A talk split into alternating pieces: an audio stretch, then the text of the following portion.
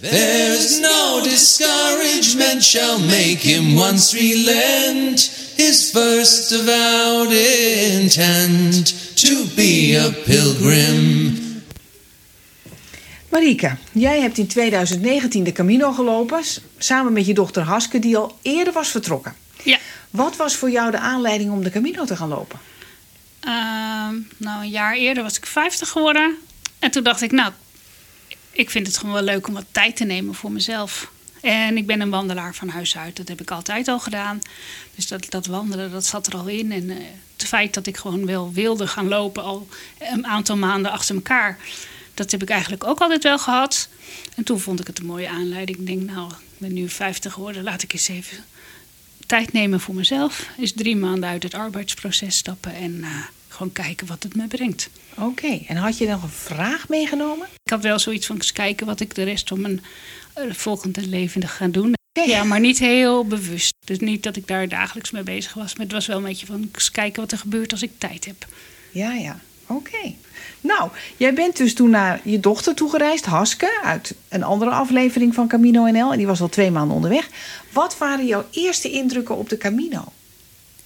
Ehm, nou, ik ben, we zijn ik ben begonnen in Cluny, of eigenlijk in Thésée. En eh, daar zit een klooster. Ja. En daar ben ik begonnen en dan heb ik ook bedacht van, nou, dan ga ik daar eerst gewoon eens een paar dagen heen om, eh, om echt los te komen. Want ik Mhm. had vrijdag mijn laatste werkdag, zaterdag inpakken en zondag ben ik daar naartoe gereisd. ja. En was Haske daar ook in Haske Thésée? was daar ook, die Ja. was daar naartoe Dus gelopen. dat was de ontmoetingsplek. dat was de ontmoetingsplek, die was er donderdag al en ik kwam dan zondag aan. En ehm, ja, toen dacht ik eerst van, nou, we doen gewoon een week, want het programma is een week. Maar na een dag of vier of zo kreeg ik onrust.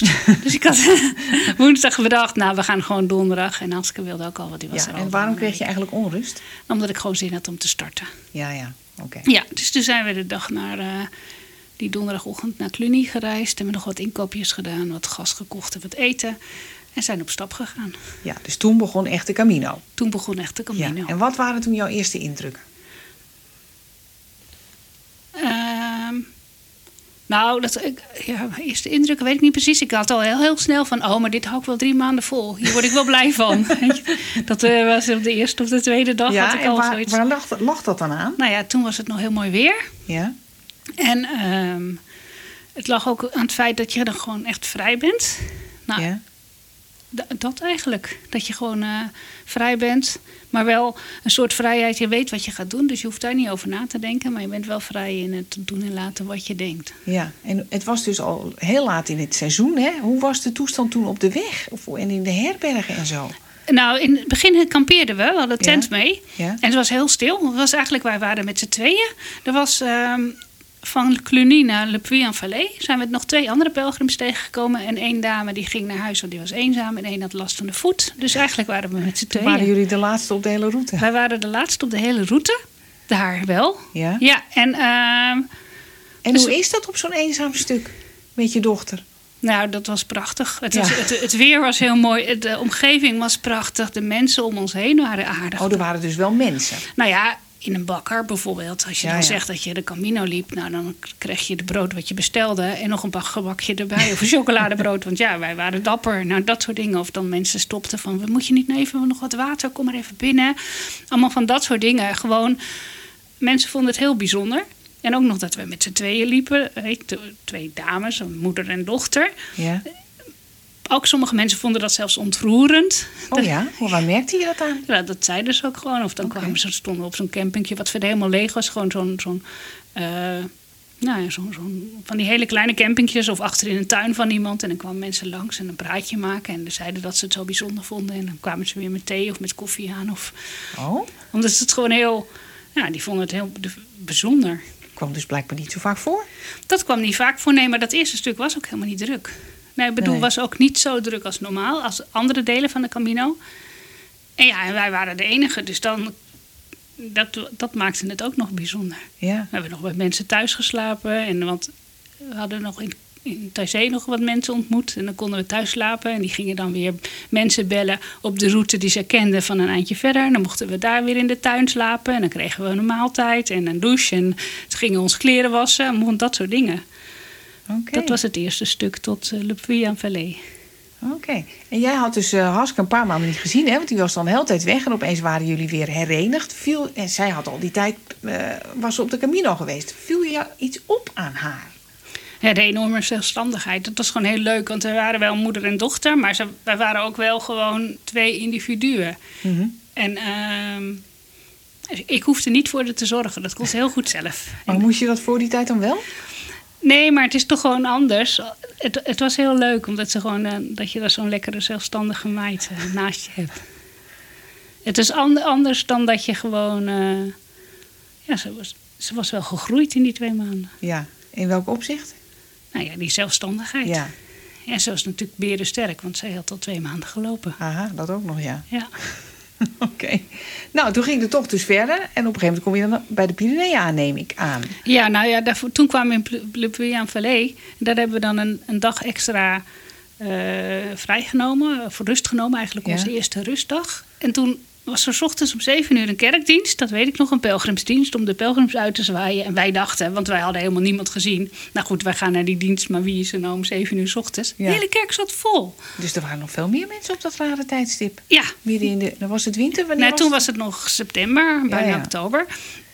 En ehm, ja, maar die, die zaten ook wel de mensen gewoon in de kerk, omdat ze dat deden midden overdag eh, naar die kerk. Om, of tenminste midden door de week, soms ochtends om zeven uur. Maar toen, wij waren wel verbaasd dat we echt met, met, met 100 mensen of zo, s ochtends vanuit die dienst weer gingen lopen. Ja? En toen kwamen we wel mensen tegen. Ze waren er dus wel. Ja, vanaf Le Puy, maar Ja. niet, niet vanaf Cluny. Nee, oké. Dan moet je de Pyreneeën over. Hoe ging dat? Ja, dat ging prima. We hadden al zoveel kilometers in de Oké, dat is helemaal geen probleem. Nee, dat is die. Nee, daar waren we natuurlijk. Iedereen maakt zich daar een beetje bang voor. Ja. Het was wel. ehm, wij waren de, de laatste dag, of de ene laatste dag dat de Pyreneeën nog open waren. Want daarna sluiten ze de wandelroute en dan moet je over de weg. Omdat we toen, eh het laatste weekend van oktober of zo, waren we daar. En wij waren met z'n vieren inmiddels, want er waren nog twee mensen aangehaakt. Een eh, Frans meisje van in de 20 en een eh, Franse meneer van eh, 65. Ja, die, die hadden elkaar ook al daar ontmoet op de Camino. En ja, wij ook. Dus wij hebben daar twee weken of zo mee gelopen. En dat was echt wel superleuk. Gewoon een heel gek groepje, heel gemeleerd qua nou ja, leeftijd en achtergronden. Maar het klikte enorm. Dus we zijn met z'n vier ook de Pyreneeën overgegaan. En ook omdat, dat was wel handig. We hebben bij, voor de Pyreneeën onze tenten zo allemaal naar huis gestuurd. En ons kampeerspullen, omdat het toch te zwaar wordt. Ja, in dat had Spanje heb je niet meer niks. nodig daar, hè? In Spanje heb je het niet nodig. Nee. Waar zijn we ondertussen? Op de route. Nou ja, zeg het maar. Ik ga een beetje heen en weer, hè? Ja, we gaan een beetje heen en weer. Maar nou, we zijn in ieder geval in Spanje. We zijn nu in Spanje, ja. Ja. En het is eenzaam. En het regent. En Ja. hoe was de stemming? Nou, die bleef eigenlijk heel goed. Wij, ehm, Hoe krijg je dat voor elkaar? Nou, wat dat betreft waren mijn dochter en ik redelijk relaxte pelgrims. Mhm. Dus eh, ja, voor dag en dauw opstaan, weet je. Het is toch niet voor acht uur donker, dus waarom zou, voor acht uur licht. Waarom zouden wij voor acht uur gaan lopen? Dus wij waren niet van die pelgrims die om half zes al hurry up In het pikkerdonker. in het pikkerdonker. Nee. om nee. Nee. En ehm, wij namen gewoon veel tijd samen. Veel tijd voor, nou ja, mee ontbijten. Soms met een lunch, tweede lunch. Omdat we gewoon veel liepen, Ja. veel eten nodig hadden. Of ook, ja, wij zagen ook de zin er niet van in om om twee uur al binnen te moeten zijn. Nee. Er was overal plek. Want ja, Ja. wat open was, was plek. Ja. Dus, en daar gingen we van tevoren wel even kijken wat is er open. Hadden we mooie lijsten van gekregen. Ja. Dus ja, als wij om vier uur of om vijf uur ergens binnenkwamen, vonden we het best. Ja. Ehm, nou, dat scheelde denk ik wel heel veel. zit alle tijd We eigenlijk. hadden alle tijd. Ja. En ehm, ook omdat we samen waren en heel veel mensen alleen liepen. Als het dan heel slecht weer was, dan kwamen mensen van... mogen we een dagje met je mee? Ja, tuurlijk, gezellig. Loop maar mee, weet je. Omdat ze het zo treurig vonden om in hun eentje door die, door die regen te lopen. Ja. ja, ja. En Dus je had meteen een aanspraak door de regen eigenlijk. ja, we hadden wel veel, Ja. veel aanspraak. Dus mensen haakten wel graag aan bij ons. En dat was prima natuurlijk, is gezellig. En die regen daar had je helemaal geen last van. Nou, geen last. nou, weet je, maar daarvoor hadden we gekampeerd, hè, bijna twee maanden. Dus wij Ja. waren al lang blij dat we s'avonds gewoon een bed hadden en warm. Ja, ja. En een droger voor je kleren. Ja. En een warme douche. En we hebben ook wel gekampeerd. En dan waren de campings weer dicht. En dan kampeerden we maar in het wild. Of dan, eh, ja, hè, dus, ehm, Lopen in de regen is niet altijd leuk, maar als je weet dat je s'avonds toch wel weer warm zit, scheelt een heleboel. Ja. Je zat er zo te zien niet zo mee. Nee, nee, we hoopten wel mooi weer, maar ja, dat, nee, nee, maar kijk, wij hadden ook de tijd genomen om, om die, dat toch te gaan lopen. Dus dan ga je, kun je wel gaan sikkeneuren over wat iets niet, wat niet is. Maar je kunt ook kijken naar dat het nu hartstikke mooi groen is. En dat wij leuke mensen ontmoeten. Dat we s'avonds altijd weer lekker warm uh, ergens aankwamen. Nou, wat dat betreft hebben we natuurlijk al het weer gehad. Want we hebben ook sneeuw gehad en over de bergen heen. Uh, ja, dat was gewoon sneeuw en ijs en uh, dat soort dingen. Dus we hebben onderweg ook nog een kamasje gekocht en een muts en handschoenen. Die sneeuwschoenen? Ja, van die overschoenen. Ja. ja. Ja, tegen de kou. Ja, en dat, dat je schoenen niet zo nat werden van de sneeuw. En dat de sneeuw niet in je schoenen loopt. Ja. En hoe was het ondertussen met jou? Want je was al maanden weg van huis. Je had alle seizoenen zo'n beetje meegemaakt. Je had uh, van die sneeuwschoenen, of hoe heet die dingen, gamasjes gekocht. Wat bedoel je met... Nou, je was weggegaan met de vraag... wat, wat zou de volgende fase in mijn leven zijn? Dacht je daarover na? Of was je alleen nee, maar... je bent wel heel erg bezig met het lopen en het, en het, en het warm blijven. En waar slaap ik ja. en eten. En Ja. ik was ook op een gegeven moment zo gek om voor allerlei mensen te gaan koken. En, ja, dat is dus mijn andere hobby, dus dat komt vanzelf, ga je dat dan ook doen. Ehm, en dat was ook goed, weet je. Het was ook goed zoals het was. Ja, je ging helemaal niet lopen nadenken over wat moet hierna nou komen. Nee, Niet nodig. dat was helemaal niet nodig. Nee. Nee. Nee, dus dat was wel. eh, En wat ik, wat, je wel, wat ik wel merkte, kijk, ik werk altijd heb ik met mensen gewerkt en in de zorg en allerlei andere plekken met mensen. En dan moet je altijd iets. En ik hoefde hier helemaal niks met mensen. Het was gewoon leuk. En verder niet, weet je. Maar je Maar- moet altijd iets met die mensen. Je moet iets verzorgen of iets bespreken of iets. Ja, ja. Ja, en dat hoefde daar helemaal niet. Dus mensen konden mijn verhaal vertellen. Of ik kon zelf mijn verhaal vertellen. En dan hoefde ik daar verder niks mee. Of het, eh, je kon delen wat je wilde of niet. Ook goed. ja. En dat, is, dat, was wel, dat was wel heel erg bevrijdend. Dat ik denk van, oh, het sta ik altijd aan. Ja, ja. Dat is Je moet dat, altijd kijken, moet ik nog iets doen? ja. Ja, of hoe reageer ik hierop? Of eh, hoe zorg ik dat ik hier... Hè, ehm, dat mensen niet te veel aan mij gaan hangen. Want ik ben wel hulpverlener, maar niet in alles. Of dat soort dingen. Dus dan, da- da- en hier hoefde ik daar niks mee met mensen. Het was gewoon leuk om mensen te ontmoeten. En het was ook leuk om verhalen te horen. Maar ik hoefde, ik hoefde er niks mee. Nee, het was helemaal vrij. Ja, Ja, toen dacht ik, oh ja, ik heb best wel zware baan. ja. Dat werd je toen opeens bewust. Ja. Huh? Oké. Nou, we gaan verder. Neem ons mee naar het volgende moment waarop je bijvoorbeeld een dergelijk inzicht kreeg. ja, dat gaat ook geleidelijk, hè? Ja, dat weet ik. Ja, dus dat gaat gewoon. Maar het zijn toch allemaal van die momentjes. Er gebeurt iets, iemand zegt iets. Nou, wat, wat bijvoorbeeld heel leuk is, ik hield best van koken, dus ik heb ook wel voor mensen gekookt. En op een gegeven moment liep dat behoorlijk uit de hand. Dan gingen andere mensen dat wel even. Dan zei ik ook, ja, dan moet jij maar even regelen dat er. Hè, wat komt er? Wil ik wel koken, maar ik ga die Als Oh, ander financiën. moest inkopen doen. Ja, bijvoorbeeld in de financiën of een lijstje Ja. maken. Nou, dat soort dingen. Op een gegeven moment komt ze naar me toe. Een van die, van die meiden die dat wel even wilde regelen. Eh Marieke, het zijn wel twintig mensen geworden. Denk ik, twintig mensen? Dat is wat anders dan vijf of zes. dus nou ja, ook goed. En eh, toen dacht ik, oh ja, doe ik het weer. Of dat, dat vind ik dat blijkbaar goed of zo. Dus dat gaan we niet meer doen. Mhm. Eh, maar een keer daarna, de dag daarna of twee dagen daarna, was ik op. Het was een hele zware route, wat slecht weer en zo. En ik was echt kapot. Dus ik was gewoon, ik zeg tegen mijn dochter ook: Ik weet niet wat jij gaat doen, maar ik ga nu naar bed. En Ja. ik zie het wel. Wordt niet, ge- niet gekookt vanavond. Nou, niet door mij in ieder geval. en toen, inderdaad, om eh, twee uur later werd ik uit bed gehaald door mijn dochter. Ze zei, nou, er staat gewoon een maaltijd hoor. Ik denk, oh ja, zie je. Oké. Ah, Maar er had nu dus wel iemand bedacht, iemand die koken niet leuk vond. Ja, maar ik profiteer zo vaak, ik mag altijd mee eten. Dus ja, nu moet ik wel.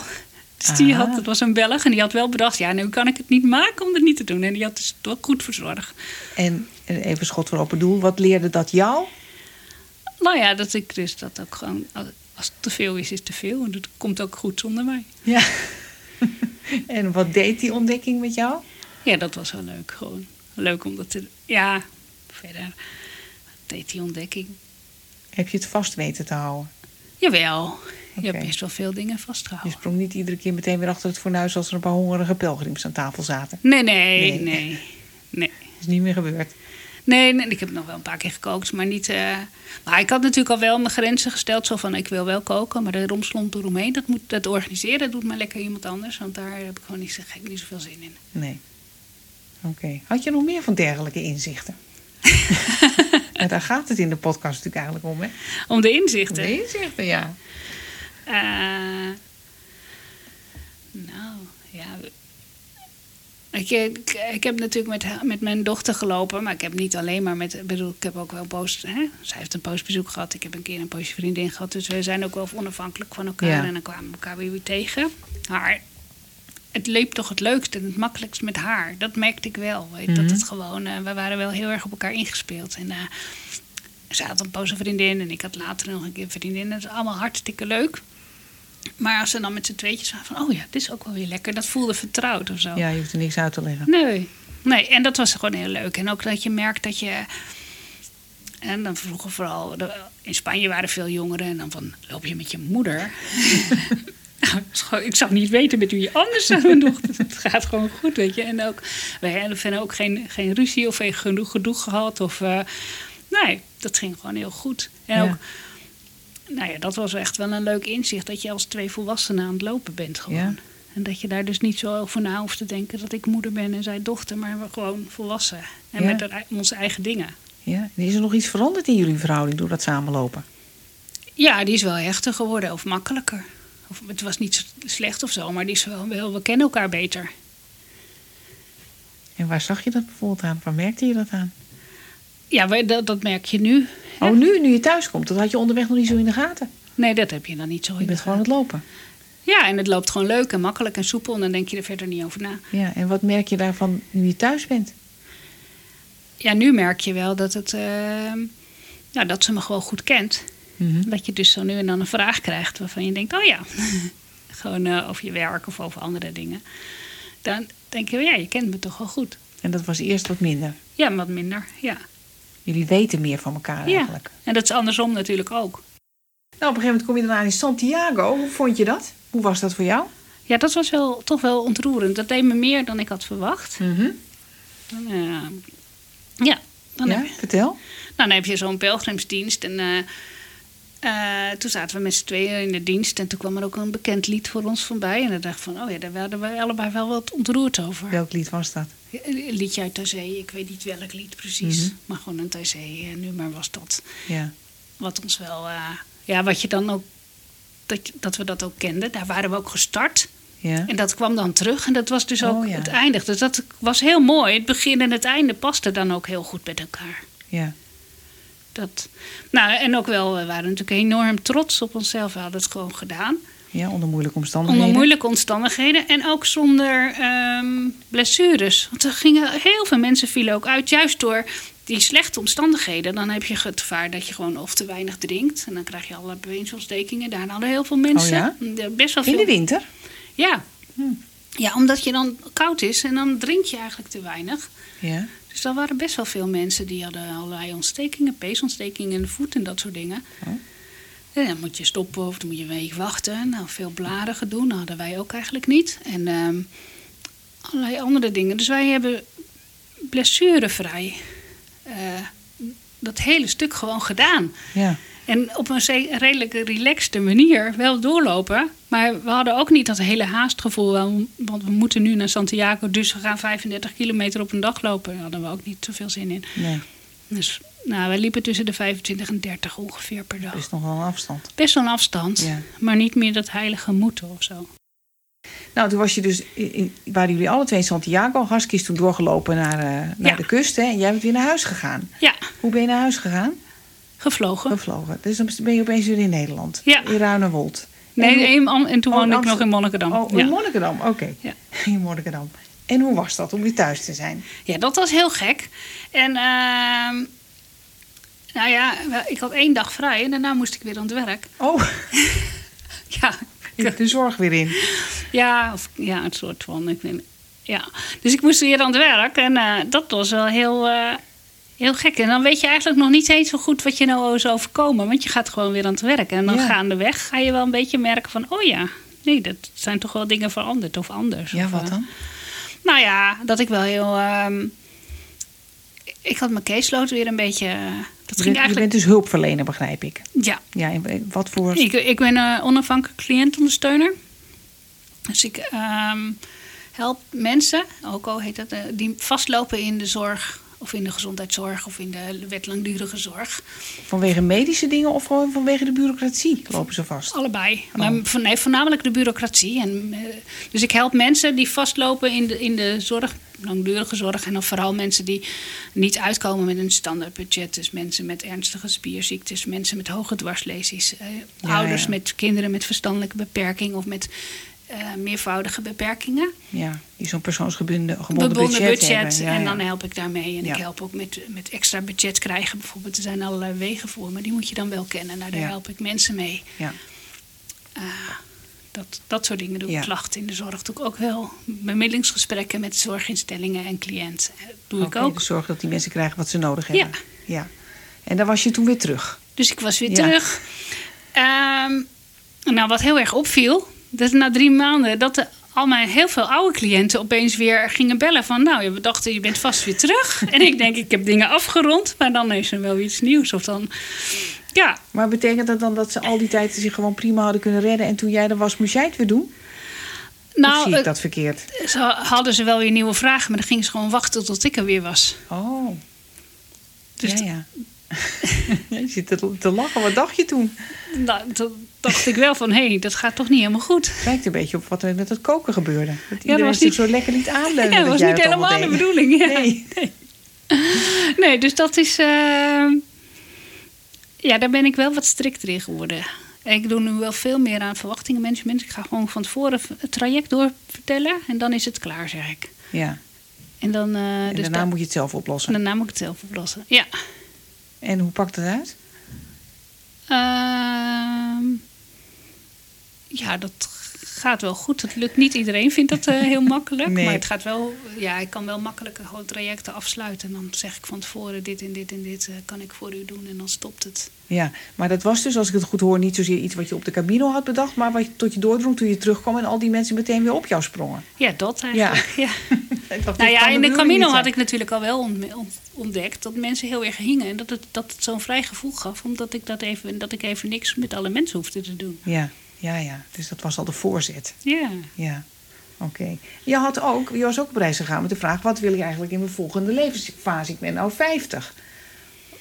Ben je, ben je nog met een antwoord thuisgekomen? Nou, wat heel erg fijn, wat ik heel erg merkte, is ehm, heel veel mensen in de Camino, en zeker als je in de herfst loopt en je komt, hè, het is slecht weer, heel veel mensen zijn zoekende en onge, hè, niet gegrond of zo. En ik heb gewoon een vaste plek. Ik heb Maar wat een- is zoekende en niet gegrond? Nou, niet gegrond bedoel van die weten niet zo goed. Wat wil ik nou met mijn leven? Welke kant ga ik nou op? Waar ga ik nou wonen? Waar ga ik nou studeren? Waar, Oh, dat, dat hoorde je heel vaak van mensen. ja, heel veel. Maar is dat dan speciaal in de herfst? Dat weet ik niet, maar dat Oh, was. toen was jij er nog eenmaal. Daar was ik er, dus dat viel op. en toen dacht ik, oh ja, maar weet je, mijn, mijn basis is prima. Ik heb gewoon een leuk gezin, ik heb een prima huwelijk, ik heb een, eh, weet je, eh, ik kan mezelf prima bedrijven, ik heb gewoon een baan.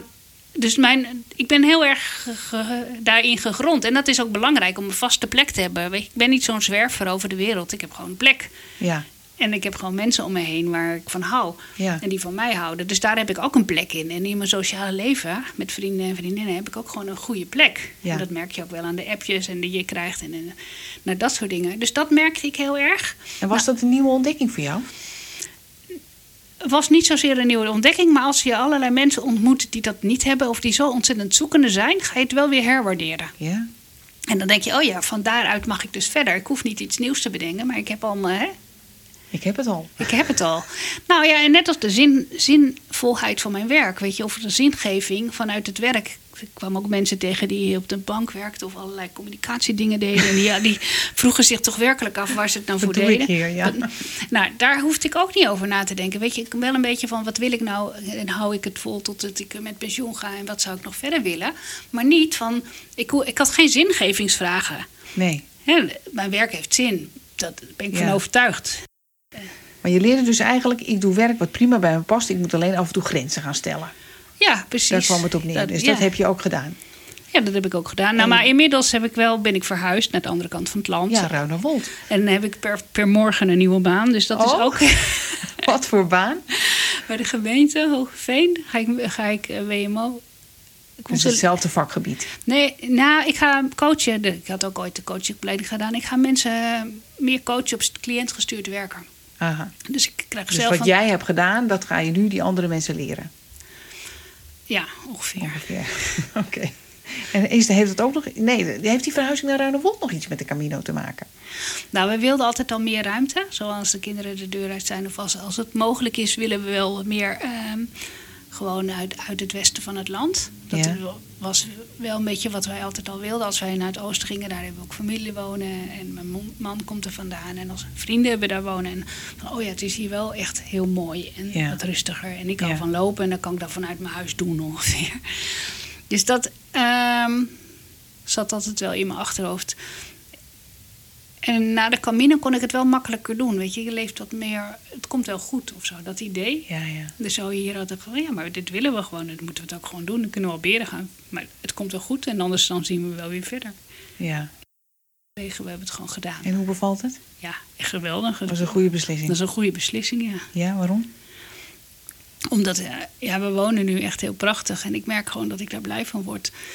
Om gewoon een stukje land te hebben en een beetje te schoffelen in mijn tuin. En eh moestuin heb ik samen met mijn dochter aangelegd. Die, heeft, er- die geniet ook enorm van de ruimte bij ons. En ehm, ja, dat. En, en iets nieuws starten is altijd leuk. Ja? Nou, en ik merk ook met eh, contacten met mensen, het ga- gaat ook prima daar. Gewoon maak met iedereen praatjes en dan gaat het heel goed. Dat vinden mensen leuk. En eh, we hebben best al, dat gaat heel snel, veel sneller dan ik had verwacht om gewoon contacten eh, te leggen. Maar misschien komt dat ook wel door de Camino, dat weet Ja, ik wie niet. weet. Ja, Dan doe je niks anders. Nou ben jij dus hulpverlener, dus jij, jij hebt verstand van menselijke betrekkingen. Wat is nou volgens jou het geheim van de Camino? Er gebeuren allerlei dingen die, die hier heel moeizaam gaan. En waarom lukt dat nou daar allemaal wel? Meteen die makkelijke contacten met iedereen en die gaat het hier vaak zo stroef. Dat komt omdat mensen zich gewoon openstellen. Ze gaan iets heel anders doen uit hun normale leven stappen ze. Ze nemen dus de tijd voor dingen. En daar horen dus ook contacten mee, anders word je daar heel erg eenzaam. Je- mensen worden gewoon uit hun eigen, ze stappen uit hun standaard leven. En daar hoort dus ook een soort ander gedrag bij.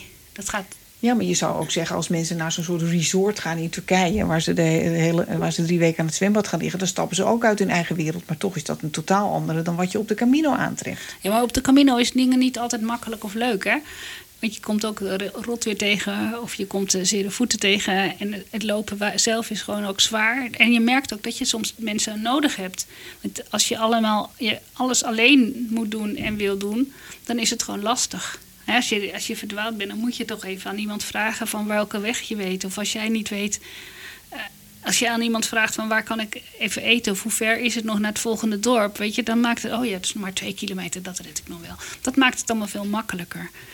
Als je Dus juist dat het niet allemaal 100% a- alles maar geregeld is... zorgt ervoor dat mensen meer op elkaar gaan rekenen... en op, op elkaar gaan vertrouwen. Ja, je moet soms wel. Je moet soms ook wel eens vragen, vragen stellen. Weet je, als je geen water meer hebt, dan moet je gewoon aanbellen ergens en vragen om water. En als mensen dat dan geven en gewoon aardig voor je zijn en een praatje maken en je ook nog eh, lekkere koeken geven, nou, dan kom je zelf ook in een, in een andere moed terecht. Ja, Maar je moet dan eerst, heb je die stap gezet om iets te vragen, wat je misschien in je normale leven niet doet. nee. Wat, wat leert dit ons over de wereld waar we normaal in leven?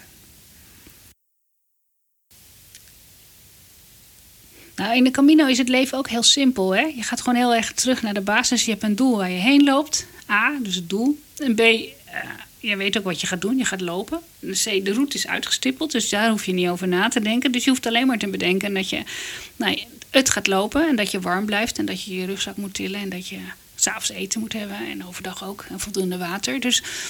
ehm, en je zintuigen kun je voor hele andere dingen gebruiken dan voor allemaal ingewikkelde dingen met hier op je fiets in de stad. En dan, eh, dus da- dat. En er worden ook niet zoveel sociale dingen van je verwacht. En je hoeft helemaal niet na te denken over allemaal antwoorden, omdat je misschien iets eh, wel of niet iets kan zeggen of diplomatiek moet zijn. Of dat hè, iemand vraagt je iets, maar wat bedenk je? En dan hoef je niet na te denken of daar nog zes dubbele bodems achter zitten. En of je daar dan wel misschien de komende week werk aan hebt als iemand je iets vraagt. En dat is allemaal niet. Nee. Maar dat komt omdat je met z'n allen het, hetzelfde doet, gewoon lopen. En je komt dezelfde dingen ongeveer tegen. Ja, de een heeft een zere knie en de volgende heeft een zere teen. Maar hè, dat het niet altijd makkelijk gaat, dat weet iedereen. Ja, ik heb ook de indruk uit al deze gesprekken dat, dat er nou iets is wat iedereen bindt die op die Camino is geweest, is dat ze terugkomen met meer zelfvertrouwen dan dat ze zijn vertrokken. Kan jij dat beamen? Nou, ik was wel heel trots op mezelf. Ik heb dat gewoon gedaan. Weet je, ik heb geen bovengemiddelde conditie. Ik ben niet super sportief. Ik ben eh, niet, helemaal niet bijzonder. Ik ben, nou ja, avontuurlijk. Nou, ik, ik doe het wel. Dus ik was er wel trots op. Ik heb dat gewoon gedaan. Ik heb hartstikke ver gelopen, bijna 2000 kilometer met, met mijn tent op mijn rug. Ik, wij zijn gewoon gaan kamperen. Nou, dat deed ik natuurlijk wel veel, maar ook wel in het wild met z'n tweeën. Nou, dat is best stoer. Ja. En ik heb daar verder niet zo erg over nagedacht. Ik heb dat gewoon gedaan. En ook hè, eh, op allerlei plekken slapen, elke nacht ergens anders en van tevoren niet weten waar. Ja, nou, dat heb ik toch maar gewoon gedaan of zo. Ja, en dan kom je stoer er door terug. Ja. Ja. Oké, dankjewel. Who would true valor see? Let him come hither. One here will constant be, come wind, come weather. There's no discouragement shall make him once relent his first avowed intent to be a pilgrim. Whoso beset him round with the dismal stories do but themselves confound. Wil je meer weten over de Camino? Kijk dan eens op de website van het Nederlands Genootschap van Sint-Jacob, www.santiago.nl. Suggesties voor deze podcast kun je mailen naar mij, post.johannakroon.nl. En als je deze podcast interessant vindt voor je vrienden, zou je er dan op Facebook een berichtje aan willen wijden. Het lied dat je hoort is een Engels pelgrimslied uit 1684, getiteld Who Would True Valor See, gezongen door Alistair Thompson op zijn CD Log Rise Revisited. Tot de volgende keer. Who would true him come hither. One here will constant be, come wind, come weather. There's no discouragement shall make him once relent his first avowed intent to be a pilgrim.